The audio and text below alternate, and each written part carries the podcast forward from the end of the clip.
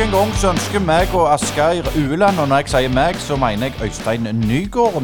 Jeg sitter her på tu i studio, mens du, Asgeir, du sitter eh, i Galilea ennå. Det går bra? Ja, det, ja, det gjør for så vidt det. Nå har jeg jo eh, sittet i studio på Tu en stund jeg òg gjennom sommeren, og det var veldig kjekt. Så det, jeg savner deg, Øystein. Jeg savner deg. Ja, det, det er gjensidig. Det er bra. Men det sånn, i dag så skal vi ha en gjest der, som jeg sa innledningsvis òg, eller mm, jeg kommer til å si det litt seinere, at uh, dette er en idrett som alle kan drive med. Du, du trenger faktisk ingenting, men du, du er vel ikke helt enig i det? Ja, og Du trenger vel et par med sko, gjør du ikke det? Ja, men jeg tenkte Hvis du ser på disse kenyanerne, så er det jo faktisk noen som trener uten sko, hvis jeg ikke husker helt feil. Ja, men det, det er vel fordel av sko, iallfall på, på sånn hvite folk som oss, som ikke har herda føttene sine bare eh, to måneder, eller når de begynner å springe. Eh, det er iallfall friidrett vi skal snakke om i dag, og en, en ganske markant eh, personlighet som har gjort noe aldeles utrolig. Ja, Han har gjort noe ganske spesielt, og Gjert Ingebrigtsen eh, er jo da en, en, en kollega av meg i Alcel. og ja, Jeg tror rett og slett eh, han må bare få, få taletid, så jeg tror vi setter i gang og, og hører hva, hva han sier. Kort levering på RAV4, både plug-in og full hybrid, og like kort levering på elektrisk varebil. Nå har vi prøvekjørt avdelingen på Bryne i seks måneder. Vil du prøvekjøre nybil eller bruktbil hos oss? Toyota Sørvest på Bryne har verksted og dinitronmuligheter, og fører modeller som nye Yaris Cross, A4, Aigo, Corolla, Prius, Power City, elektrisk eller med firehjulstrekk, Hilux eller Land Cruiser. Altså ingen grunn til å lure på om vi har nok biler du kan teste. Kom innom, så finner vi en rette for deg. Hei, det er Hanna Kvarneland fra Privatmegleren Jæren. Er du på boligjakt, eller vurderer du å selge boligen din? Vi i Privatmegleren Jæren er ekte lokalmeglere med spesielt god kompetanse og et godt fotfeste om boligmarkedet her på Jæren.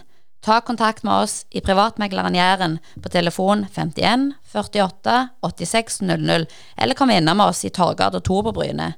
Privatmegleren Jæren. Alt vi forventer, er at du forventer mer av oss. Da ønsker jeg hjertelig velkommen til Brynepodden igjen. Og i dag så skal vi ikke snakke så mye om, om fotball, Asgeir. Det er en idrett som er utrolig enkel, så alle kan klare vi skal snakke om i dag. Ja, Jeg vet ikke om alle kan klare det som denne karen her har fått til, men eh, vi gleder oss. Dette blir en kjekk kveld. Det blir det, og hjertelig velkommen til Brynepodden, Gjert Ingebrigtsen. Tusen takk for det. Eh, jeg skulle nok visst mer om Brynepodden enn det jeg gjør, men jeg regner med at du skal fortelle meg hva vi skal drøfte og debattere i dag. Eh, kanskje dere er mest interessert i hva vi holder på med, men jeg ja, eh, er jo sånn at jeg kan være med og snakke om eh, egentlig hva som helst. Fotball òg, for den saks skyld. Men ja, ok, Nei, det, det, det er bra, det er bra Asgeir. Da, da kan vi snakke litt om det òg. Ja, du- ja, du vet vi pleier å si at ballen er rund, men det er jo ikke piggsko nå, så vi må jo pense inn på litt annet. Men, men Gjert, eh, vi har jo eh, sett deg på fjernsyn eh, både før du ble holdt på å si, reality-stjerne og, og videre. Men en ting jeg har litt lurt litt på, du, du er jo født opp oppvokst i, i Båtsfjord i Finnmark. Men hvordan i alle dager havna du i Sandnes? Uh, jeg havna jo på Sør-Vestlandet fordi at min, uh, min, min mor Min far døde tidlig, Uh, så, så vi eh, er oppvokst med en alenemor og to søstre oppe i, oppe i Øst-Finnmark. Og på et tidspunkt så fant min mor en eh, ny livsledsager, og han eh, holdt til i Egersund. Så da, da var vi med på lasset ned til Egersund, og så bodde jeg der noen, noen år gjennom ungdommen. Og så flytta jeg inn til Stavanger eh, for å gå på skole. Eh, og da møtte jeg min kone på skolen, hun som er nå er kona mi. Og så, og så, um, så bygde vi hus i, i Sandnes. Så det var ikke mer komplisert enn som så. Men, men kan du si litt om det å flytte fra Nord-Norge og ned til Egersund? Egersund er jo et, et miljø med, med stor lokalpatriotisme, og, og eh, folk er engasjerte i lokale ting. Men hvordan var det å komme som en, en måte en som kom fra andre kant av landet og flytte til Egersund? Mm, du kan si familien min, og, og det tror jeg nok har gagna meg nokså mye, det at familien min både på uh, moren min og faren min sin side er relativt nomadiske. Altså de, de, de er folk som drev med, med, med fiskeri og, og, og flytta. Reiste mye fra Lofoten til Finnmark og, og, drev fiskeri. Uh, og, dermed så det der med å flytte på seg, og det der å tilpasse seg det, det du kommer til til enhver tid, det ligger liksom i blodet på oss.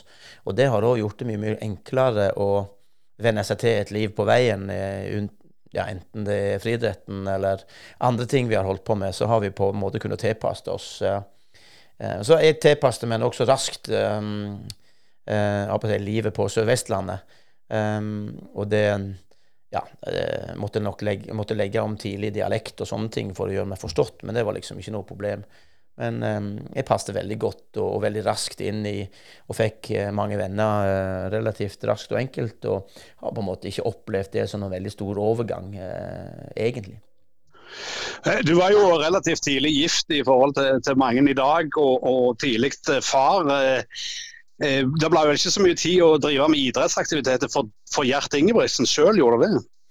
Nei, jeg drev litt med, med barneidrett. Det drev med, med bryting og, og, og, og fotball i, i Båtsfjord. Og eh, spesielt brytingen drev jeg på med noen år. Og, og når jeg flytta sørover, så, så spilte jeg på Helvik, og så spilte jeg på, på Eik eh, en periode fotball. Og, ja, men drev på med det til jeg var 16-17 år, og, øh, og ikke drev med noe idrett etterpå. Så det er Ja. Det, idrett på en måte har ikke vært en del av, av, av mitt liv etter den ungdomstida.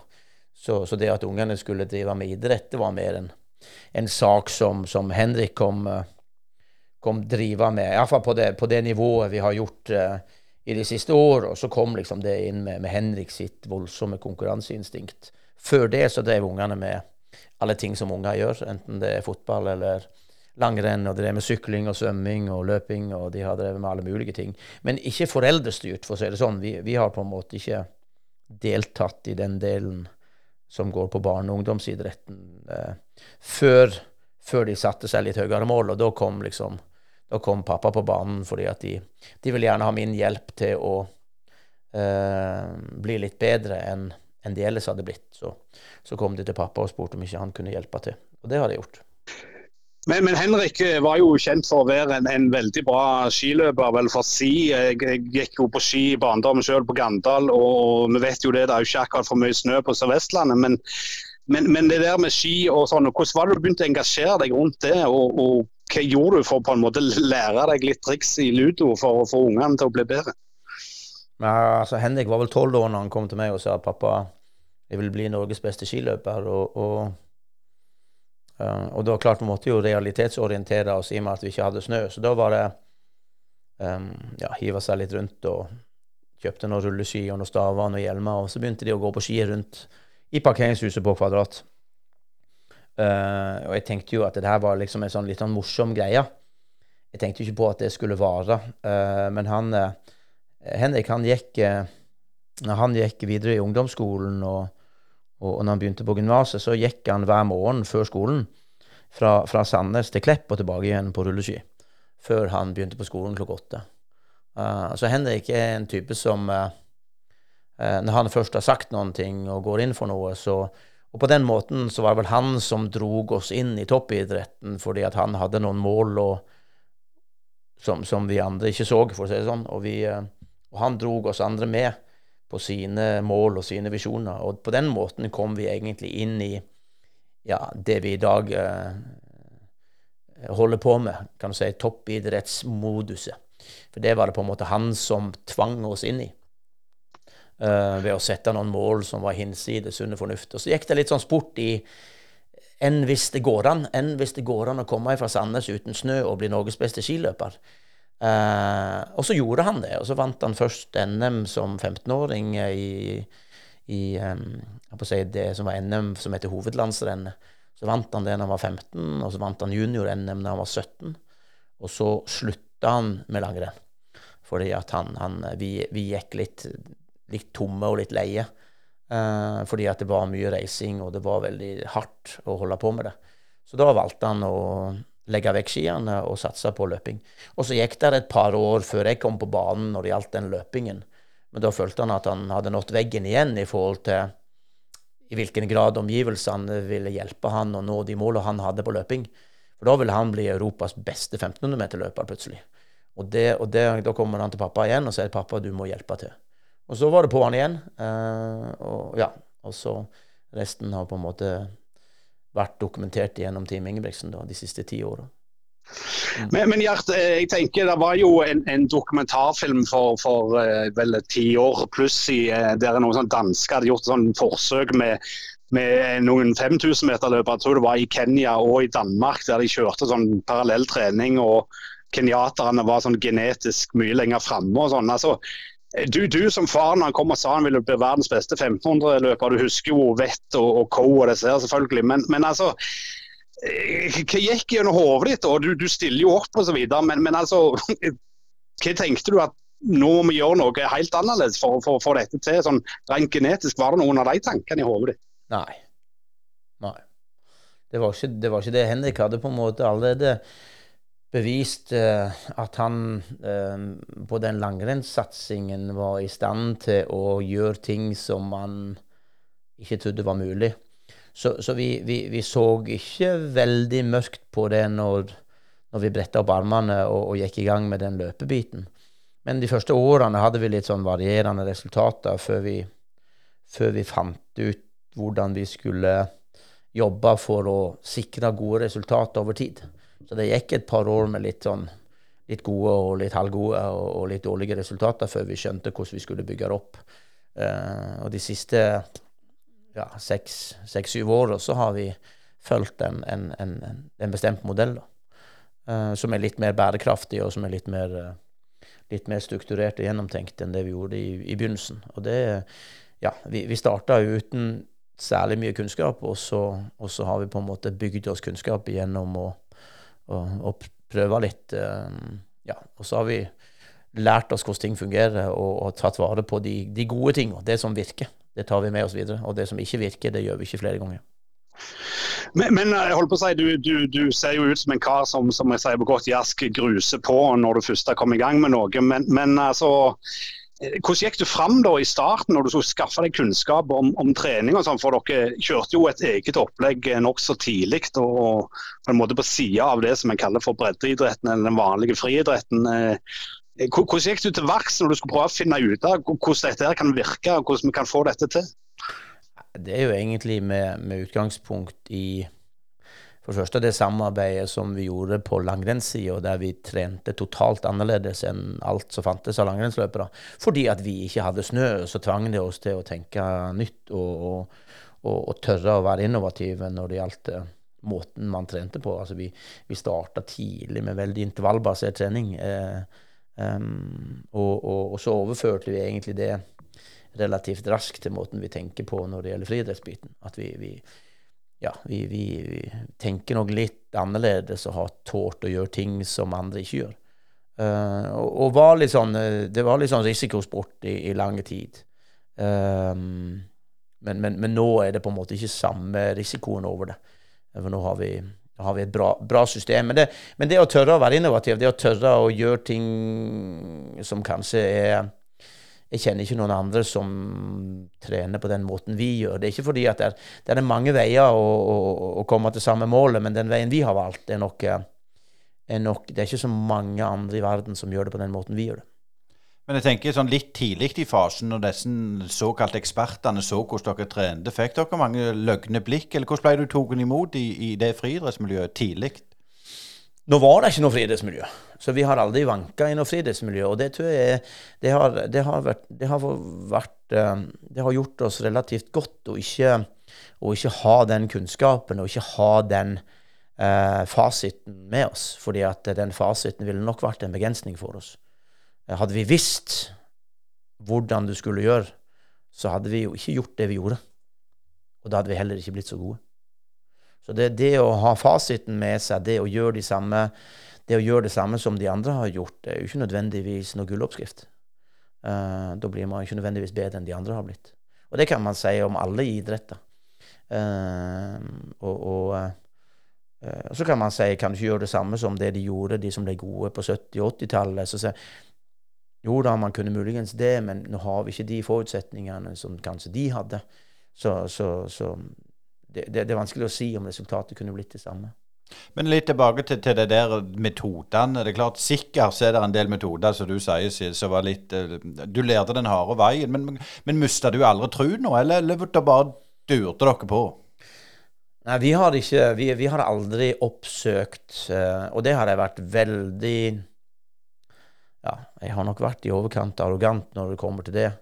Fordi at enten så er det min måte, eller så er det ingen måte. Og, og, det, og det, har nok, det, har jo vært mye diskusjoner rundt det internt hos oss. Uh, men etter hvert som resultatene ruller på, så, så, så, stopper de fleste diskusjonene. Det er jo sånn det gjerne er. Uh, og så lenge du klarer å gjenta gode resultater over tid, så, så roer det seg. Uh, og, og det, er det, det, er jo det, det egentlig dreier seg om. Hvis du har noen som som vil leve av idretten. Og hvis de klarer å leve av idretten, og de produserer så gode resultater at de kan leve godt av det, så, så er det på en måte blitt et liv for dem. Og da blir det ikke det der å jage Da får du en helt annen ro. Da driver du ikke og jager rundt. Så vi har aldri satt oss inn i hvordan de andre trener. Det gidder vi ikke å bruke tid på. Men Når var det du på en måte fant ut at du hadde noe å fare med, som vi sier? Nei, altså det, det, der er jo ikke noe som kommer over natta. Det er jo noe du starter med et utgangspunkt, eh, og så bygger du på til du Og så endrer du litt og litt til du har en relativt velfungerende struktur og system. Og så står du med det. Du driver ikke og mikker og endrer og vaser med, med ting som fungerer. Hvis det, hvis det ruller på og ruller bra, så la det være. Men, men, det er jo klart, eh, du har jo hatt noen Henrik og, og Philip og, og testa ut, for Jakob kom ofte, og som, som, alltid har blitt pekt på som, som, det store talentet, altså det største talentet. Men hvis du skulle liksom dratt ti år, ti år tilbake og, og visst det du vet i dag, eh, når du kjørte opp Henrik der i starten, hva hadde du endra på da? Ja, Du endra på mye, spesielt bærekraften i, i, i, det vi gjorde med Henrik. og det Jakob er ikke noe større talent enn verken Philip eller, eller Henrik. Og Henrik kunne nok godt ha produsert de samme resultatene. som Jakob, hvis vi, hvis vi hadde hatt med oss den kunnskapen som vi har i dag. Hvis Henrik hadde vært Jakob, så hadde nok ikke forskjellen vært så veldig stor. Uh, og, det, og, det, kan man jo si um, Henrik har på en måte sånn ofra seg på veien, og, og, det er man veldig klar over. Uh, og det setter man jo voldsomt stor pris på, og derfor, derfor får han jo en utstrakt hånd fra, fra brødrene sine i, i, mange forskjellige anledninger, fordi at man, man, er veldig godt klar over at han har, han har ofra litt på veien her for å etablere, hjelpe til å etablere den kunnskapen som vi har i dag uten hans uh, offervilje så har vi ikke hatt den kunnskapen. Det, det, det hadde ikke latt seg gjøre. Men, men, vi må jo litt inn på hvor tid du begynte liksom å søke. Du må jo ha søkt litt eh, si, hjelp og på innsikt i ulike fora, enten gjennom å lese noe eller snakke med folk. Altså, Når begynte du å si at, eh, Nei, at du ikke hadde Det har jeg aldri gjort. Nei, ok.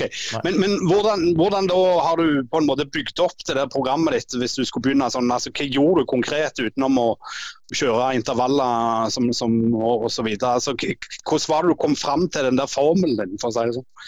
Gjennom, eh, gjennom, gjennom alle de årene med med trening. Du kan si Henrik hadde med seg eh, For det første så hadde vi med oss en profil fra den langrennsbiten vi gjorde, som var veldig intervallorientert. Og så hadde Henrik, eh, når han slutta med langrenn og gikk over på løping, så hadde han en klubbtrener en periode der han hadde på en måte et, et system i bånn. Og så bygde vi disse tingene sammen.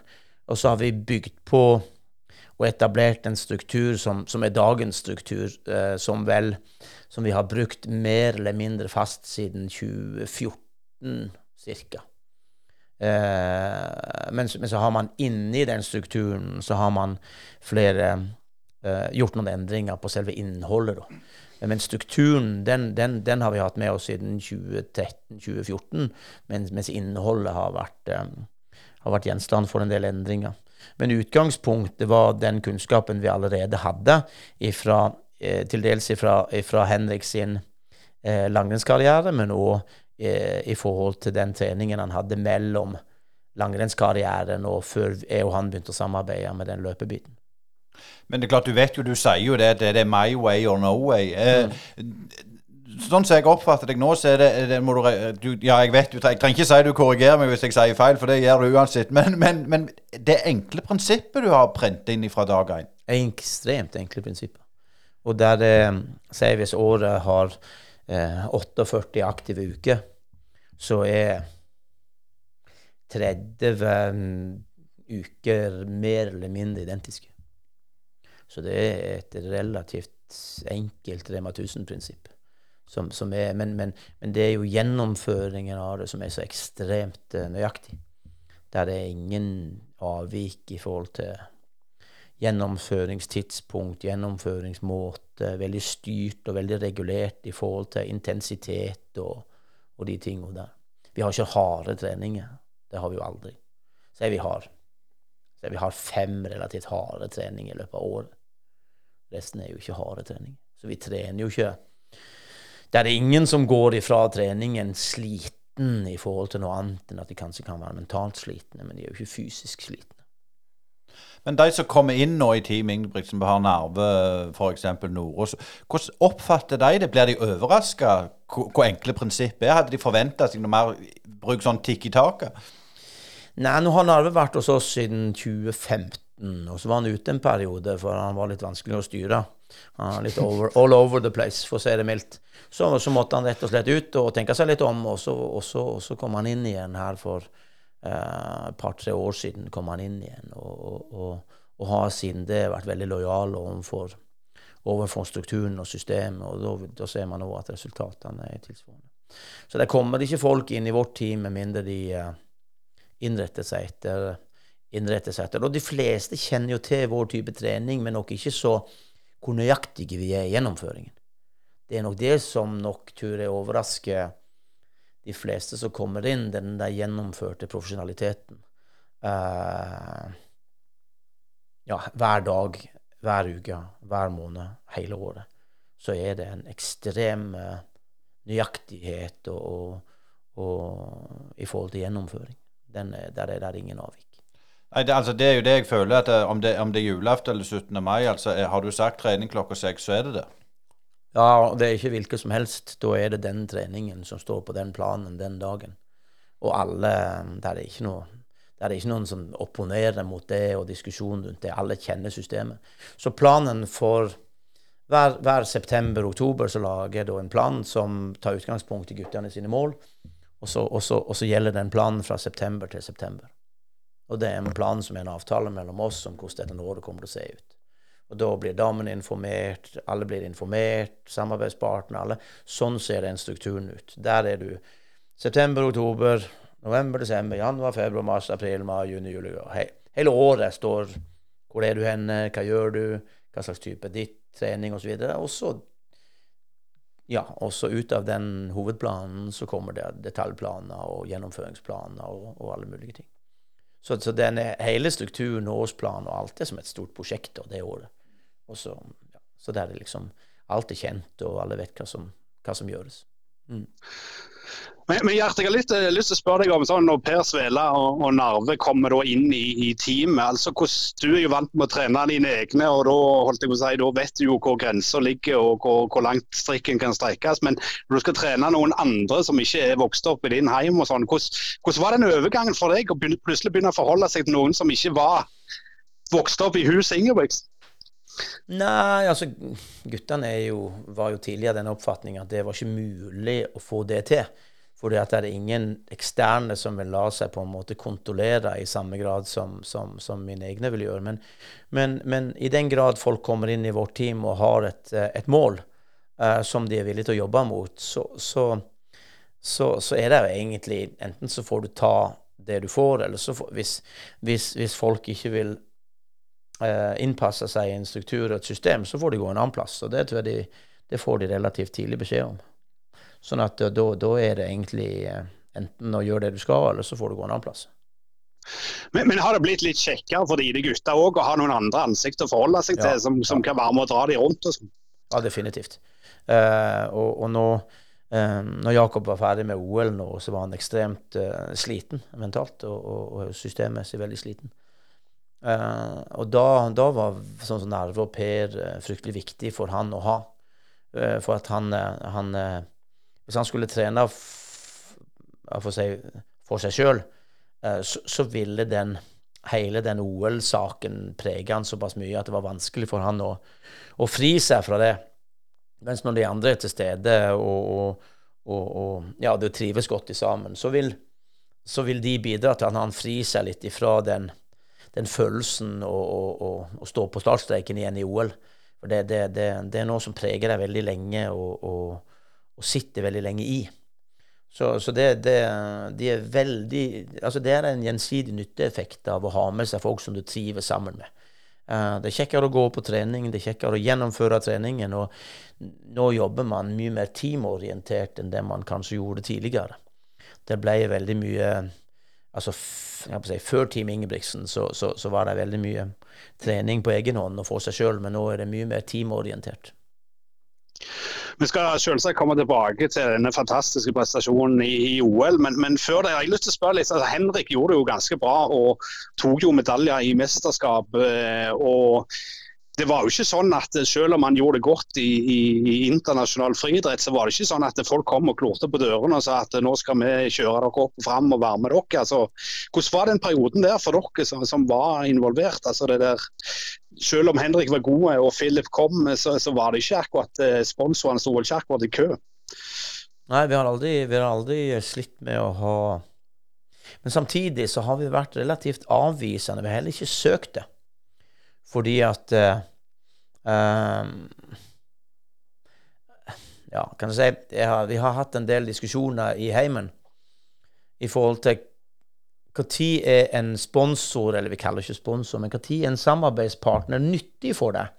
Når, altså hvor, uh, hvor ligger nytteverdien henne, og hvor Hvilken økonomisk nivå må en samarbeidspartner være på for å si at du har en nytteeffekt.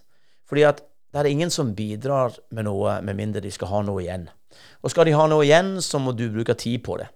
Uh, og, og, og, akkurat den der akkurat den der bytte, altså det, det, det, å bytte penger mot en tjeneste for en idrettsutøver, det er alltid en avveining i forhold til uh, et nivå. Så, sånn at vi, vi avviste vel egentlig ethvert forsøk fra sånne si, mulige samarbeidspartnere som lå på et nivå der man, si, der man ikke hadde noe igjen for det. Hvis det kom noen og ville tilby deg et beløp, så igjen, det er ingenting som er gratis. Da ville de gjerne at du skulle gjøre et stykke arbeid for dem, og, og da vil som regel den kostnaden ved å gjøre det arbeidet for dem være mer verdt enn det du fikk igjen for det. Sånn at da, da sier jeg OK, med mindre det kommer noen og vil bidra med så mye, så, så, bare stenger vi den døra. For da går det utover det sportslige. Uh, så hvis vi holder fokus på det sportslige og gjør det veldig bra sportslig, så vil de rette samarbeidspartnerne etter hvert komme. Og, og, det har det vært mye diskusjoner rundt hjemme hos oss. Hvor ligger den grensa henne?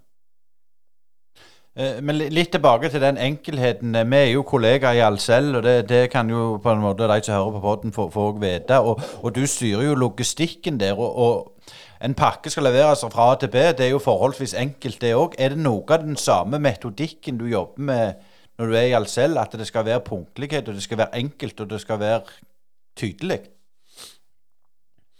Um, all, all, logistikk eh, handler jo om enkelhet i framføring av, av, av varer eller tjenester, eller samme hva det er. Jeg har nok lært mye av jobben min i Alcel inn mot idretten, men jeg har lært tilsvarende mye fra idretten som jeg også tar meg inn i, i selv. Eh, og spesielt det som går på sammenheng mellom mål og planer og gjennomføring av resultat. Det er noe som, eh, som, som, som idretten har gjort det mye mer tydelig for min del, altså sammenhengen mellom mål og resultat. Hva er det som skal pakkes inn imellom de to elementene for å få det her til? Um, og, og, ja, og, og, det ser jeg mange i, i, næring og i idrett og i mange sammenhenger, de, der, der, der, er litt for mye forskjell mellom liv og lære. Du sier noe, og så gjør du noe annet. Du sier at du skal bli noe, og så er det ingenting i livet ditt som går i den retningen. Så, så man, man, sier man skal bli noe, og så gjør man det samme man alltid har gjort. Og så kommer det ikke resultat, og så skjønner man ikke hvorfor. Det er jo fordi at du ikke er villig til å endre det som er imellom målsettingen din og resultatet. For du må faktisk gjøre en endring imellom der for at resultatet skal bli annerledes. Eh, så, så det, det, de sammenhengene der er veldig mye tydeligere i idretten. Og Hvis du der ikke er sammenheng mellom liv og lære, ja, så blir det ikke resultat. Da går du konk. Da må du bare gå hjem. Så da, da stopper det seg sjøl. Så, så, så, så, det Ja, der har på en måte idretten for min del bidratt til å lage det bildet der mye tydeligere. Men nå er jo du er, veldig eh, på, på mange foredrag, og du forteller, og du har, du har eh, sagt skapt egen næring der. Men, men når vi hører deg her, så høres det veldig enkelt ut. Altså Det er jo enkelt prinsipp. Blir de skuffa når de på en måte hører suksesskriteriene? Uh, nei, det, det, det tror jeg ikke. Jeg har ikke, jeg har ikke hørt noen som er blitt skuffa til nå. Uh, og det jeg si, jeg maler jo mye annet rart inn i et foredrag. Jeg snakker jo veldig sjelden om idrett. Jeg snakker mer om opplevelser. Jeg snakker mer om det emosjonelle rundt det. Jeg snakker mer om, om, om dette med å gå fra en oppfatning av at individuell idrett er individuell, til å skjønne at individuell idrett òg er teamarbeid. For at eh, det er ingen som krysser målstreken først i et OL, med mindre de har en del mennesker rundt seg som, som jobber sammen med dem for å nå det målet. Eh, så så det, det, det, er mer, det er mer den settingen at, eh, at Team Ingebrigtsen er blitt noe, noe mer enn et enkelt menneske som løper fort. Det er blitt en historie om en familie og et team som, som, som eh, der noen rakk opp handa og sa de skal bli veldig gode, og så hvordan man da har skrudd dette teamet sammen for å faktisk oppnå det vi har oppnådd. Um, for det er ikke noe quick fix. Du må på en måte du, du, det, Der er noen tøffe diskusjoner, og du må gå noen runder for å på en måte få satt det sånn at det virker. Uh, og, det, og det blir som en tilsvarende annen type lagidrett. At du kan ha så gode enkeltspillere du bare vil. Det er ikke dermed sagt at resultatet blir så jækla mye bedre før disse menneskene jobber sammen og drar i samme retning. Uh, og da må du av og til hive ut den beste og si at uh, nå jobber ikke du for teamet, nå jobber du for deg sjøl, så da må du gå hjem. Så får vi få inn noen andre som kanskje ikke er like god individualist som du, men de jobber mer for teamet. Så da, du, da må du gå, og så kommer det inn noen andre som vil jobbe sammen med oss istedenfor for sin egen del. Og akkurat det der å se det bildet der, det, det, det, det, er nok litt overraskende for de som er, holder foredrag for at vi er så teamorienterte. Men, men dette med teamarbeid og det å tilpasse seg og endre seg og, og sette seg hårete mål, eh, hvor tror du det kommer fra hos deg? Nei, jeg for min del har ingen mål annet enn å hjelpe ungene mine til å nå sine. Sånn at, og det tror jeg nok er, er, er, har vært en stor fordel, fordi at da har jeg på en måte lagt vekk mine ambisjoner. Da, da er det guttene sine ambisjoner som styrer mitt. Og det, det, jeg kunne ikke hatt samtidig mine egne ambisjoner, for det, det hadde ikke gått an. Uh, for jeg må jobbe for de, og ikke for meg sjøl. Uh, og, og, det tror jeg den kombinasjonen der at jeg, um, at jeg har ingen ambisjoner annet enn å hjelpe de å nå sine mål. Uh, og det gjør at jeg kan bruke liksom all min tid på det uten å ha egen agenda. Uh, det tror jeg har vært nokså uh, Ja, det tror jeg òg har vært et suksesskriterium for oss. At jeg um, ikke er opptatt av mine ting, men mer av deres ting. Jeg har opp gjennom åra uh, blitt sånn idioterklært fordi at jeg har på en lørdagsmorgen stått og kosta fortau og gangstier midt på riksveien klokka ni på formiddagen mens det snøen laver ned med en kost, mens eh, trafikken til Kvadrat har gått eh, Ja, og jeg står der og koster med en kost, og tenker alle som kjører forbi hva er dette for en jævla idiot som har sluppet ut? Hvem har de sluppet ut nå, som står og koster sykkelstien mens snøen laver ned på en lørdags formiddag? Jeg, jeg har stått der mye ute og gjort meg til tulling for at ungene mine skal ha en mulighet til å løpe mens det fortsatt snør. Og, og, det, det, og, det, å være villig til å gå så langt som helst, i alle sammenhenger, der har jeg ingen sperrer. Der er det ingen grenser for hva jeg ville gjort. Eh, og det har jeg gjort. Det har jeg gjort, og altså, eh, jeg har liksom ingen sånne sperrer. Og det, det tror jeg nok er jo en, en, god egenskap. Der er det ingenting som er gale nok. Som er, som er Ja, jeg ville gjort alt. Og det tror jeg guttene mine vet, og det tror jeg nok det er en av de tingene de setter mest pris på. Det er det at de vet ved å overlate noe til pappa, så det er ingen grense for hva Det er liksom ingenting han ikke ville gjort. Og det å ha med seg noen som ikke har noen grense, hvis man bare er enige om at dette er det som skal til for å bli god, så har de med seg en brøytebil, uh, uansett i hvilken retning det skal brøytes. Det, det, det, tror jeg er en veldig god ting. Og det, det, det er vanskelige ting å ta for gitt. Og det kan man liksom ikke få hvem som helst til å gjøre. Um, så, som, ja, sånn som, som, jeg har holdt på å dumme meg ut rundt omkring. Men når du nevner det, for, for vi har jo sett deg, og du er jo en fargeklatt i Idretts-Norge, det er jo ingen tvil om det. Men, men er det litt bevisst å spille, jeg, hvis jeg bruker ordet klovn, for å beskytte utøverne, for at de skal få forberede seg skikkelig? Nei, jeg opplever ikke meg sjøl som noen type, noen type klovn i den forstand, men, men, men, det er nok noen som stusser over hvor langt, hvor langt man er villig til å gå. Eh, eh, jeg hadde nok ikke gjort Jeg, jeg, jeg hadde aldri gjort de tingene jeg har gjort for min egen del. For der har jeg jo normale sperrer. Men for andre så er det ikke noen grenser, for å si det sånn. Og det, det, det er nok um, det, det, det, framstår nok litt rart, for nok de fleste er litt sånn motsatt. Man, man, er villig til å gå relativt langt for sin egen del eh, for å gagne seg sjøl. Eh, men jeg er litt sånn motsatt. Jeg gjør mer for å gagne andre enn for min egen del. Og det er litt sånn Da tenker jeg eh, det hadde, ja, Da hadde jeg nok skjemtes litt. Hvis det var for min egen del jeg hadde gjort den kostingen og alle de tingene jeg har gjort, så hadde jeg nok skjemtes litt. Mm. Men når jeg gjør det for guttene, så skjemmes jeg aldri av en eller annen grunn. Jeg vet ikke hvorfor det er sånn. Eh, så jeg har jo fått kraftige advarsler både fra Det europeiske friidrettsforbundet og andre for min framferd. Det er jo fordi at det er veldig krevende når jeg er ute og representerer guttene. Så, så senest i innendørs-EM nå i, i, vinter så fikk jeg en skriftlig advarsel i forhold til at jeg kunne miste min akkreditering på livstid hvis jeg ikke kunne skjerpe meg. Og, og, og det, Jakob ble diskvalifisert, og jeg tok en kamp med, med, med den gjengen som var der. og det og nå ble diskvalifikasjonen oppheva, så han fikk fortsette. Og det, eh, jeg hadde nok ikke gjort det for min egen del, men jeg gjør det jo for han, da.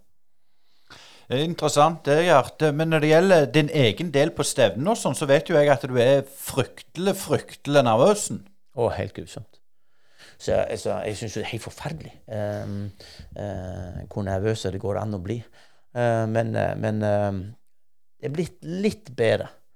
Men, men, fortsatt så så, så, er det emosjonelt krevende å være til stede på, på, på konkurranser der guttene skal delta. Eh, og så har jeg liksom at det er mer krevende, mer nervøs for enkelte enn for andre. Eh, for det er noen som har en tendens til å rote seg inn i trøbbel mer enn andre har, og da blir det tilsvarende nervøs. Men det er jo fordi at det er den der farsrollen som kødder det til. Eh, så vi har et, på en måte et system der treneren reiser hjem, og faren altså, Når vi er i mesterskap, så er det bare faren som er der. Jeg er jo ikke trener da, det er jo bare far. Det, det, er fordi at jeg klarer ikke å kombinere de rollene i et mesterskap. Det klarer jeg ikke. Jeg blir for emosjonelt engasjert. Jeg blir for engasjert i det hele tatt. Så da, da, da, da er jeg ikke trener lenger. Jeg skal bare ta et spørsmål til der før Aska slipper til. For jeg, for jeg vet jo det at du, du, du, du er jo til stede mentalt hele veien når det gjelder trening. Eh, eh, eller, eller gjør det godt for guttene, gjør det bedre enn i fjor osv. Det er indre driv. For, for, når du er på Jeg har jo hørt du var på, på tur, busstur i Berlin der du plutselig bare stakk av fra kona di. Nå, nå var det nok med konetid. Ja, øh, og, og, det Ja, og tilsvarende intervjuer der jeg snur på hælen og forlater et intervju fordi at telefonen ringer, eller et eller annet skjer, eller ja, begynner å snakke om en jakke som er vekke, eller Og, og det, um, det, er veldig styrt. Altså, jeg blir veldig engasjert og klarer det egentlig ikke å ha så mange andre ting å tenke på. Så da, da hoppet jeg i Berlin av en buss midt i byen, fordi at da hadde jeg en annen avtale som jeg måtte rekke. Så da, da var det å ta en shortcut. Mm. Men, men, nå har du jo Gjert eh, fire som konkurrerer, eh, og, og, Ingrid er vel eh, up and coming sånn sett. Men, men, altså, du er jo ganske tett på deg. Følger de opp, lager program og ditt og datt. Men du har jo sju unger, og William er vel såpass ung ennå at han, han, får lov å være unge en stund til. Men, men de andre som ikke konkurrerer sånn, altså, har du på en måte et mer avslappa forhold til dem enn en resten av gjengen? Nei, vi har en veldig klar, uh, veldig klar skille mellom når vi er i en trener-utøver-setting, og når vi er i en familiesetting. Når vi er i en familiesetting, så håndteres alle likt. Det er ingen forskjell på det. Det er ingen som har verken Ja, jeg tror ikke, jeg tror ikke ungene mine opplever at, at det er noen form for uh, forskjell i, i forhold til når vi er familie. Eh, trening er trening, og familie er familie. Og, det, og der får på en måte alle sitt til alle tider. Og, det, og sånn må det være. Og, og den, den må, det skillet må vi ha. Eh, så da heter jeg Gjert når vi er trener og utøver, og så heter jeg pappa når vi ikke er trener og utøver. Så jeg har på en måte to roller i dette som er veldig sånn klart skille mellom. Så vi drar ikke med oss trener-utøver-situasjoner inn i familiesituasjoner. Det, det går ikke an å kombinere. Men, men etter hvert så har du òg blitt hettende farfar, og endra det deg på noen måte å bli farfar? Uh, generelt sett så er jeg jo veldig glad i, i, barn. Hvis ikke så hadde jeg jo ikke hatt egentlig så mange. Nå har jeg fått seks barnebarn, uh, og, og, det vil nok fortsette å balle på seg. Men det, det har ikke sånn sett gjort noe med meg, annet enn at jeg ser den enorme gleden det gir guttene mine å ha å få egen familie og egne barn. Og det er litt sånn rart å se at de følger litt i, i um, For det er jo gjerne sånn at uh, når, når, barn blir ungdom og, og, og, på en måte vokser opp, så, så, har de en tendens til å kritisere foreldrene sine valg og stille spørsmålstegn med det meste du holder på med. Og så er det litt rart å se når guttene får sine egne familier, at de i større eller mindre grad styrer i samme retningen som det, som det vår familie har gjort, selv om de har vært kritiske til det på et tidligere tidspunkt. Så det er litt sånn rart. Og det gjelder både tradisjoner vi har hatt, og, og, og, en del av kulturen vi har med oss i forhold til hvordan vi, hvordan vi gjør forskjellige ting. Og så, så, som sagt så ser jeg at de med sine egne barn styrer i samme retning. Det er litt, det er litt rart å se. Men jeg tenker litt på det du sier, at du er en brøytebil for, for utøverne og, og, og, og, guttene dine. Men eh, vennene dine sier jo litt det samme, faktisk. At Gjert er krevende, men det er verdens gildeste person. Så, så er det helt sant at du er bare sånn overfor deg? Er du ikke litt sånn likevel? Nei, jeg tror, nok, jeg tror nok de som jeg har jobbet med i, i, i Alcel, eh, nok, nok tror når de så oss opprinnelig, i, eller til å begynne med i Team Ingebrigtsen, så tror jeg nok ikke de helt uh, kjente igjen hele pakken. Uh, og det var nok flere av mine kolleger som måtte uh, ja, tenke seg om i forhold til om dette var to forskjellige mennesker. for eh, ja, jeg har nok en, en, hatt en rolle i alt selv der nok har vært Deler av min opptreden er relativt lik, men, men, nok, eh, men det er nok mye av min Team, team Ingebrigtsen eh, som som er litt, litt, overraskende for mine kollegaer. Det vil jeg tro. Men, men det, er det finnmarkingen som kommer fram, da? For, for sørvestlendingen er jo ikke den der typen som står og skriker hoier for mye. enn det. Uh, nei, helt hvor det, der, hvor det derne greiene der kommer ifra, det, det, er ikke godt å si. Uh, som sagt så har jeg vokst opp uh, ut, uten en far, og, og jeg, har, jo aldri visst hvordan, hvordan opphavet på en måte har vært. sånn at jeg har liksom ikke noe forhold til det. Så hvor, hvor, min, hvor, hvor min, på en måte driv og, og engasjement kommer ifra, det, det, det, vet jeg rett og slett ikke. Om det er men, men, det er den der viljen til å, å, å få til. Eh, og som jeg føler litt av det der jærske. Jeg tror, ikke, jeg tror ikke vi er så langt vekk fra det litt jærske der at, eh, at man har en, en, vilje og en evne til å drive igjennom noe man har bestemt seg for. Eh, det, virker, det, viser jo entreprenørskapet og, og, og, det man har hatt i det jærske. At, at jeg tror min familie på begge sidene er bønder og fiskere. og jeg tror det jeg tror litt av det der at du er din egen premissgiver. At eh, hvis ikke du er villig til å stå opp om morgenen og gjøre en jobb, så er det ingen som kommer og gjør det for deg. Du må på en måte drive det sjøl. Og jeg tror nok det er det som ligger i bånn her av, av, av, oss, det at vi har det der hva skal jeg si, eh, det drivet fra det å være sin egen premissgiver. Det å, å, å drive igjennom sine egne beslutninger og sine egne mål. Det tror jeg nok er jeg tror ikke nødvendigvis det har noe med Finnmark å gjøre, men jeg tror det er det der litt eh, egenskapen man har eh, som, som, bonde eller fisker, eller ja, der man Ja. Eh, hvis du skal ha noen ting, så må du jobbe for det, og du må stå opp tidlig, og du må gjøre et, et godt stykke arbeid over tid for å få det du ønsker deg. Ja, litt sånn ut på det store havet og drømmen om det store verpet. Men, men eh, Litt tilbake til, til, selvfølgelig til friidretten. Altså, dere gikk jo inn i en OL-sesong 1920 der eh, målet var selvfølgelig Tokyo. og Så kommer jo covid og, snur opp ned på, på hele verden. Altså, i eh, både Jakob og, Henrik hadde jo slitt med skader. Henrik var jo operert i tårnet og osv. Men i hvilken grad ble det der pauseåret eh, en premissleverandør for suksessen i OL? Var det noe som, som gjorde at dere fikk det ekstra, og var det noe som hjalp der, tror du? Uh, du kan si Jakob ble jo ett år eldre og ett år modnere og fikk et år til med kontinuitet.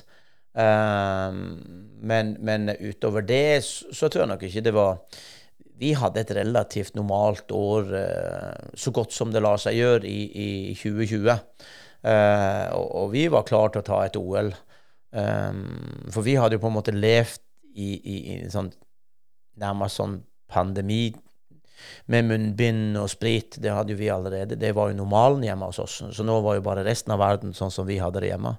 Um, for, for, vi har vært veldig restriktive i forhold til smittevern i, i mange år allerede. Uh, så, så vi, vi, reiste relativt mye òg i 2020. Uh, og var for så vidt klar, klar for OL. Men om resultatet hadde blitt noe annerledes, det er jo vanskelig å si. Men, Kan du si litt om, om eh, de største utfordrerne til, til Jakob på 1500-meterfinalen? Altså, Cheriot har jo vært eh, eh, på en måte den ledende i feltet, og så kommer han tasmanieren opp i, i ryggen der. Men, men, altså, hvordan tenker du i forhold til motstandere? Tenker du ikke bare i det hele tatt, eller har du noen sånn taktikkmøte med, med guttene? Nei, jeg, hvordan, nei, jeg blander meg aldri opp i taktikk. Jeg har jo ikke noe med det å gjøre. Jeg har jo aldri løpt et løp i mitt liv. Det der er helt totalt ad, adskilt ansvarsområde. Uh, guttene setter målene sine sjøl, det blander ikke jeg meg borti. Jeg lager planen og jeg sørger for gjennomføringen. Og gjennomføringen av løp, det er guttene helt og holdent. Vi har aldri noen taktikkdiskusjoner. Uh, eller, jeg, jeg, har jo som sagt, jeg har jo aldri løpt et løp i mitt liv, og jeg har jo ikke noe til å komme med. Og sjøl om om jeg har sett mange løp, så, så, og det er jo sånn du opplever på alle idrettsarenaer. De største ekspertene de har jo aldri spilt en fotballkamp, de sitter på tribunen. Og, og, og, og, jeg holder meg totalt vekke fra å prøve å innbille noen at jeg har peiling på det guttene mine skal gjøre ute på banen. Eh, jeg har lært de å ja, kan si, Gjennom måten vi bygger opp unge mennesker eh, og trening og konkurranse så, så, lærer de seg å ta det ansvaret sjøl. Uh, for der, der, der, er som sagt ingen taktikkprat. Hva er lurt å gjøre her? Det må man gjøre når man kommer ut på banen. Og, det, og ved å gjøre det når man kommer ut på banen, så tvinges man til å resonnere, og man tvinges til å gjøre noen valg. Og etter hvert som man har gjort de valgene over tid, så vil det sitte i ryggraden på det. Det er rett og slett, Da går det, da går det som en eh, nærmest på instinkt. Henrik hadde det der innebygd i systemet sitt fra naturens side. Han er ekstremt flink i løpssituasjoner og, og, og, får mye ut av det han har. Mens, mens andre må nok mer jobbe med seg sjøl for å velge taktikk og osv. Men, men det der er blitt en del av en del av opplæringen på samme måte som, som man trener, så trener man òg på å gjøre gode valg. Og i alle år, så det, det, det, iallfall de siste ti åra, så sier jeg kun én ting før guttene går inn på banen. Så sier jeg bruk hodet og gjør gode valg. Det er mitt bidrag når det kommer til de taktiske valgene de gjør. Det er å bruke hodet og gjøre gode valg. Og så kan man gjerne ta en prat om det etterpå, hvis utøveren har lyst til det. Men jeg prøver å la være å være etterpåklok, for det bidrar ikke med så fryktelig mye. Men når det gjelder det med, med guttene dine er jo verdens like verdensstjerne. Altså. Men, men, hvis du tenker hva Gjert Ingebrigtsen, hva er det han er mest fornøyd med oppi denne prosessen her? Nei, altså mine, mine, målepunkter er helt annerledes. Mine kriterier for å være fornøyd er helt annerledes enn guttene sine.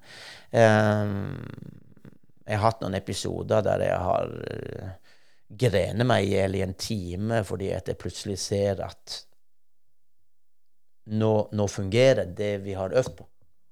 Og så blir det så emosjonelt revet med at jeg blir helt ødelagt. Eh, jeg kan reagere mye mer på en sånn situasjon enn et godt løp man springer. Altså, Det er sånn rart, det der greiene jeg reagerer på litt sånn. Jeg syns um, sånne ting syns jeg er viktigere, at man ser at det man har gjort sammen, virker så vil jo bare et resultat i et løp være en konsekvens av at det virker. Men, men, men akkurat når du ser at det du har øvd på, øh, løsner øh, Sånn som når Jakob sier til meg nå i sommer at den treningen pappa, som du har lagt opp for meg nå, det går til helvete. Jeg blir seigere og seigere for hver dag som går. Det blir aldri noe OL-finale på meg. Kommer aldri til å komme Glem medaljer, glem alt. For det du holder på med nå, pappa, det blir det bare tull av. Og så ser man gradvis så ser man at jo nærmere vi kommer, så begynner disse ting å løsne. Og så ser man på en måte lyset i tunnelen, og han ser det. At det her blir jo helt ko-ko. Jeg, jeg, flyger jo. Og så akkurat det øyeblikket der du kommer ut av alt det der tunge og mørke, og liksom det er på en måte den, alt det du har lagt ned av trening, og alt det du har kavt, og alt det Så plutselig så ser du gjennom de siste to-tre ukene at det her er jo helt latterlig. Hvis det her holder Skjønner du? Så akkurat de øyeblikkene er viktigere for min del enn selve resultatet. Det høres jævla rart ut, men, men det er jo fordi at jeg har fått tyn for at vi har ikke noe tro på det opplegget ditt, pappa. Og så kommer du til et punkt der du ser at Oi, Det var ikke så dumt. det var ikke så galt likevel. Og så, sånn at de, de, akkurat de tingene der. Og det vil man se i den, eh, en av de episodene som nå kommer i Team Ingebrigtsen nå i høst. Så vil man se tid det løsner. For det viser en av episodene regner jeg med, for da var filmteamet til stede. Og, og, og det er en sånn en Jeg er litt spent på om folk skjønner det. At det var Der var det mm. Der var det Akkurat nå, der visste jeg at han kom til å ta medalje i OL. Og det, og det er et sånn rart øyeblikk. Ja, ikke, ikke bare ta medalje, men, men gullmedalje. Men når du står og så på det 1500-meterløpet i Tokyo, der når han går ifra Cheriot på oppløpet der, altså, klarte du å se på i det hele tatt eller var du så nervøs at du måtte bare gå en annen plass? Jeg så ca. en, en tredjedel av løpet. da. Uh, for at når jeg hadde, når jeg hadde leid han inn i, når jeg hadde fulgt han inn i det som kalles for callroom, som er en plass der utøverne er den siste halvtimen holdt jeg på å si, før de skal inn på stadion, så torde jeg ikke gå inn på stadion. Så jeg gikk motsatt vei og satte meg inn i et rom eh, langt vekke fra stadion. Der man hadde klærne sine og oppvarming og de tingene. Der satte meg inn der, for jeg, skulle, jeg hadde bestemt meg for at jeg ikke tålte å gå inn på stadion, for jeg var så jævla nervøs. Men så tenkte jeg at der er jo ingen folk på stadion, så hvis Jakob løper og ikke ser pappa, så kanskje det kommer til å ødelegge hele løpet. Så da begynner jeg å småspringe tilbake igjen til stadion og stille meg inn til veggen oppe på toppen av tribunen. Uh, og så Idet løpet starter, så går jeg ut på kanten, og så går jeg tilbake igjen til veggen, og så går jeg mellom veggen og kanten. Fram og tilbake. Og jeg kommer ut på kanten akkurat idet han går forbi i siste sving. Uh, og akkurat idet han går forbi, så snur jeg meg egentlig og går tilbake igjen til veggen og strekker armene i været, for da vet jeg at han vinner. Så jeg ser ikke når han passerer målstreken. Jeg ser bare når han går forbi i, i svingen, og så da, da vet jeg eh, utfallet. Så da, da, da det, det vil man også se, vil jeg tro, i, i Team Ingebrigtsen-episoden. At, eh, at jeg står eh, Og det eneste jeg har tatt med meg opp på tribunen, det er et håndkle av en eller annen grunn. Jeg har et håndkle i hånda uh, som jeg har med meg fra den der plassen jeg satte før, før jeg sprang inn på stadion. Tenker jeg, rasker, Av en eller annen grunn så rasker jeg med meg et håndkle, og det kommer jo veldig godt med. Jeg griner meg jo i hjel der oppe, så jeg trenger jo det håndkleet å tørke tårene med. Men, men jeg ser en tredjedel cirka, og, og, og går mellom tribunen og veggen. Mm. Men, men kom alle disse øktene og disse årene i, i, på en måte i, i repetisjon da, mens du, når dette skjedde, når han gikk først over målet? Altså, var det sånn øyeblikk for deg at alt, hele filmen på en måte ble, ble for gjennom hjernen på deg? Jo, det er jo, det er jo sånne øyeblikk. Du, du, sånne, det er jo det som skjer, da. Det, du, du, er jo ikke uh, Jeg har hatt noen sånne øyeblikk. Eller jeg har, ikke hatt sånne, jeg har tre stykker av de øyeblikkene. Um, og, og um, Jeg si fire, da. Fire sånne øyeblikk har hatt. Uh, og, det, og det jeg husker de veldig godt, alle fire. Men det har ikke vært akkurat der man gjerne trodde det skulle være. Men, men det har vært uh, og, og, og, du liksom Hva som går gjennom hodet på deg der og da, er liksom vanskelig å si. Men, det, men det, blir, det er jo en reaksjon, da. Det er jo klart det er jo en, en reaksjon på, på, på, på den jobben man har gjort sammen for å komme der man er. Eh, Vi var inne på dette med Team Ingebrigtsen. NRK har fulgt dere i mange år. og Du nevnte det at eh, du var, eller dere var opptatt at, at dere skulle ha noe utbytte av å gjøre forskjellige ting. og sånn og sånn. Hva, hva, hva føler du det har gjort med dere, Team Ingebrigtsen, å være med og eksponere dere sånn? Har det hjulpet dere? Det er litt vanskelig å si. Sannsynligvis så har det nok hatt altså det, det, det, det som jeg i alle fall kan si har vært en god ting med det, uh, det er jo det at du, du, du blir litt sånn allemannseie. Uh, men du har samtidig valgt å være veldig ærlig. Um, så det er nok ikke noe tvil om ute i det norske folk hva vi står for. Og det, det, er nok for mange idrettsutøvere som er for opptatt av å pakke ting inn og framstå som noe annet enn det du er. Eh, og når du får bruddstykket av en idrettskarriere, så får du gjerne du får gjerne de gode øyeblikkene, men du får ikke så like mye av de øyeblikkene som ikke er fullt så gode. Og, og de er det flere av i idretten enn de gode.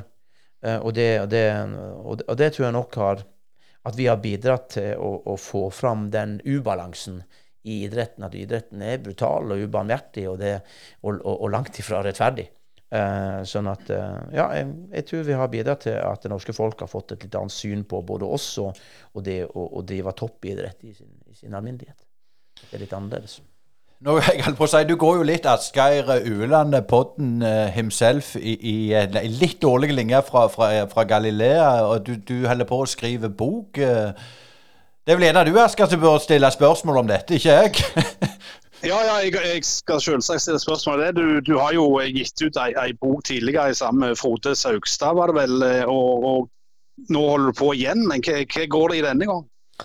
Ja, denne gangen går det i mer metode. Boka heter 'Gjerts metode' uh, og handler om metodikken fra mål til resultat. Uh, og handler litt om ja, he hele den prosessen, måten vi jobber på når det gjelder det strukturelle. Handler, det handler òg litt om faktisk om, om, treningens innhold, men det handler mer om, om holdninger og verdier. Det handler om å sette seg mål. Det handler om viktigheten av å ha en god plan, og det handler om gjennomføring. Gjennomføring av trening, alt det som er rundt uh, livet ditt generelt sett. Det handler om gjennomføring av konkurranse. Uh, ja, det handler om uh, ja, rett og slett en metodikk for å sikre gode resultater over tid. Men, men er det, det, er vel selvsagt noe du holder tilbake der? Du skal jo ikke røpe alt? Eh, nei, jeg må holde nok tilbake igjen til å ha stoff til flere bøker. Sånn at eh, nå, nå, er ikke, nå, er jo ikke, fasiten på bordet ennå. Eh, selv, om mange, selv, om mange, mener at en, en, et OL-gull er på en måte et punktum og en, og en fasit, så, så, så, er det fortsatt eh, det er fortsatt et stykke vei igjen. Sånn at eh, jeg, må litt, jeg, må ha litt, å by på i, i, i de kommende år òg. Men nå er det jo klart, altså alle guttene dine er jo relativt eh, voksne blitt, og, og Ingrid eh, er jo ennå tenåring. Men eh, kan du si litt om, om forskjellen på å trene gutter og trene jenter? Um, det som er den hovedsakelige forskjellen, den er jo i perioden 13 til 17-18 år. Det er jo det som på en måte er, er forskjellen på gutta og jenter. fordi at gutta kroppen overtas av testosteronet, og, og, og der liksom bare gønner på. Mens jenter skjer det motsatte. Um, og, og, hvis man ikke evner å se og tilnærme seg trening med jenter på, på, den rette måten, så, så, så, så, ødelegger man mer enn man gjør godt. Så jenter må rett og slett ha lengre tid, sånn at de får kommet seg gjennom uh, vekst og pubertet og de tingene der, og komme ut på andre sida. Og det er det som er litt sånn fortvila. Jenter er egentlig best når gutta begynner å bli dårlige. holdt på å. Så, så jentene de, de, de, er gode fra de er ferdig utvikla og voksne.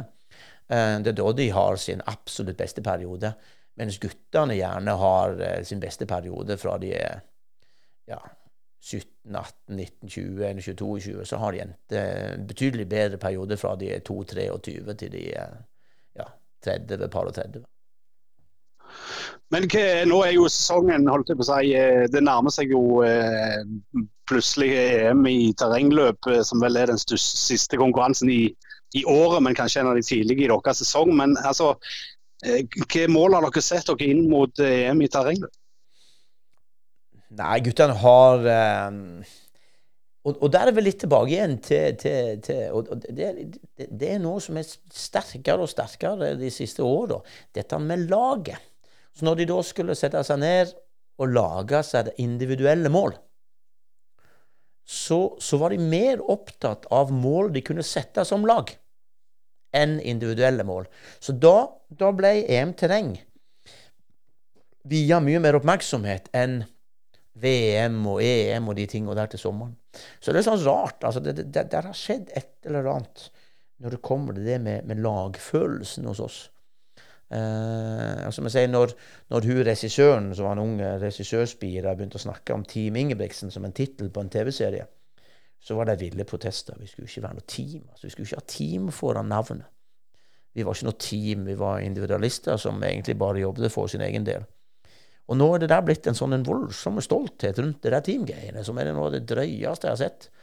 Og, og, og som jeg sier, målet for Det gikk jo så langt at han eldste sønnen vår, som er 33, som hadde begynt å løpe nå nettopp, og, og, løpe fortere og fortere, så begynner de altså Ja, de vil ha med han som en sånn en, en sjetteløper med til EM-terreng for å, å, kunne gjøre noe som Istedenfor å være tre brødre som stilte på startstreken, som de gjorde i VM 2019, så var de da fire brødre som kunne stille på samme startstrek.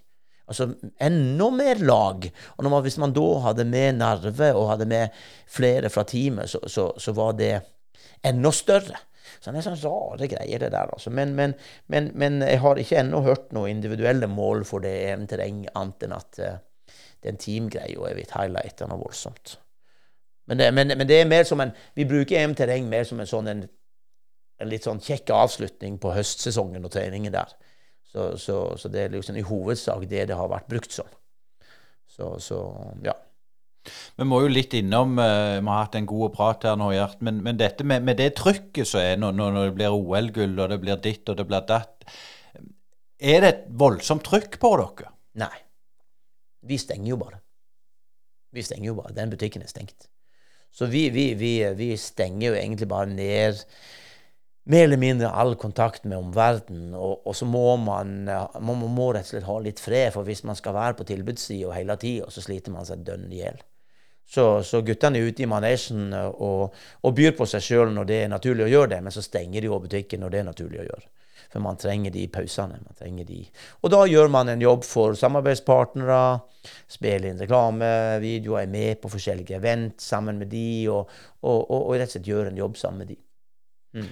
Nå, nå, er det et spørsmål jeg, skal, jeg, har humra litt for jeg skal stille deg. Gert, for det, hvordan er det du slapper av? Altså, Du er jo veldig på når du er på. Og når du er hjemme, så har du sju unger, så da slapper du ikke av da heller. Så hva gjør du når du slapper av?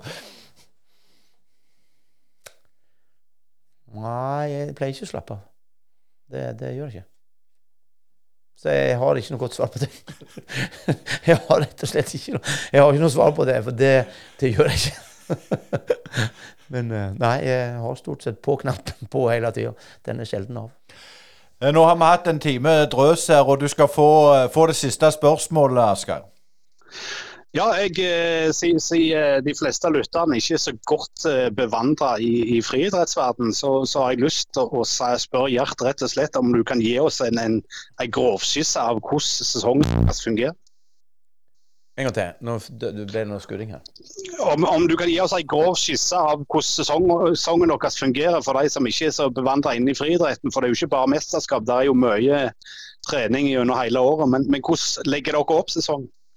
I prinsippet så begynner vi å trene 1.10 pluss minus. Uh, og så trener man da oktober-november. Da har man gjerne en fire ukes treningsleir i høyden i, i, i november måned. Uh, nå reiste guttene nå i går, så da reiser de fire uker til høyden. Uh, og så kommer de tilbake igjen eh, i slutten av november. Og så har de en, en, en liten forberedelsesperiode hjemme før vi deltar i EM-terreng i, i, midten av desember. Og da får de litt fri etterpå. de har en liten pause etter EM-terreng, der de kan gjøre nødvendige ting man gjerne gjør oppunder jul. så har de en liten uke der, der ting er litt mer avslappet og laidback. Og så begynner vi på han igjen da rett før jul. Og så er det ny treningsleir i, i januar. Eh, og, og, så er det um, ny treningsleir igjen i, i, april, og mai begynner konkurransene. Eh, og så er det mesterskap, verdensmesterskap i juli, og så er det europamesterskap i august. Og innimellom så skal man delta i litt Diamond League her og der og sånne ting. Og så Hele greia avsluttes rundt 10.9., og så får de da sine tre uker ferie. Og så, eller ferie, de får sesongpause. Så da trener de to tredjedeler av normalen i den sesongpausen. De har aldri ferie. Men de får, de får uh, litt mer tid sammen med familiene sine og de tingene der. Og da var vi raskt igjennom hele sesongen. Ja, og, og helt til slutt, eh, status eh, på guttene. Det var jo vært skader og, og, sånne ting. Er alle friske og raske? Og hvor lenge tror du de kan holde det gående? Um, Henrik har vært eh, skada. Han ble operert i, i, i, sommer, i slutten av juni, og har vært gjennom en nå er han oppe begynner å nærme seg normaltreningen. Så i løpet av 14 dagers tid så er han oppe i, i normaltreningen. Så han er sammen med de andre på treningsleir. Eh, Philip han hadde en alvorlig reaksjon etter den eh, covid-vaksinen. Så han har hatt en kropp som ikke har eh, vært særlig på lag eh, siden, ja, siden mars-april. Eh, så nå er han på, på, på bedringens vei. Eh, så får vi se hvordan det går. Men, men, fysisk sett så er det ellers ikke noe problem. Men han hadde en, en, en kraftig reaksjon på, på, det. Jakob han har da rista av seg OL eh, etter hvert. Og, og, og, og begynner å, å, si, komme inn i den normale rytmen og normale strukturen. Og, eh, nerve måtte vi rett og slett holde hjemme noen to-tre dager ekstra. Men han reiser på onsdag og, og, og, og reiser der som guttene er og deltar på den treningsleiren. Og Det samme gjelder Per Svela. Han er òg av gårde på den treningsleiren. Så, eh, så, eh, akkurat nå så ser ting ut til å begynne å, å, å, nærme seg normalen. Um, og, og ja, alt ser, alt ser bra ut i alle retninger. Da vil jeg si tusen hjertelig takk til deg, Gjert Ingebrigtsen, for at du stilte opp i Brynepoddene. Bare trivelig. Bare kjekt. Jeg hadde trodd vi skulle snakke mer om fotball, men det kan vi gjøre en annen gang. Kort levering på RA4. Både plug-in og fullhybrid. Og like kort levering på elektriske varebil. Nå har vi prøvekjørt avdelingen på Bryne i seks måneder. Vil du komme og prøvekjøre ny bil eller bruktbil hos oss? Toyota Sør-Vest på Bryne har verksted og digitalmuligheter, og vi har modeller som Yaris Cross, RA4, Eigo, Corolla, Prius, HS70, elektrisk eller i firehjulstrekk. Hilux eller Landcruiser. Puh, altså, ingen grunn til å lure på om vi er nok biler som du kan teste. Kom innom, så finner vi den rette for deg. Hei, det er Hanna Kvarneland fra Privatmegleren Jæren. Er du på boligjakt, eller vurderer du å selge boligen din? Vi i Privatmegleren Jæren er ekte lokalmeglere med spesielt god kompetanse og et godt fotfeste om boligmarkedet her på Jæren. Ta kontakt med oss i Privatmegleren Jæren på telefon 51 48 86 00, eller kom innom oss i Torgata 2 på Bryne. Privatmegleren Jæren. Alt vi forventer, er at du forventer mer av oss. Det var Gjert Ingebrigtsen, mine damer og herrer. Og Gjert eh, det er en fantastisk eh, mann eh, på mange vis. Det er et fyrverkeri som gir av seg sjøl og er ekstremt dedikerte og opptatt av detaljer. Og etter samtalen så, så, tenkte jeg det, det er faktisk en detaljfrik.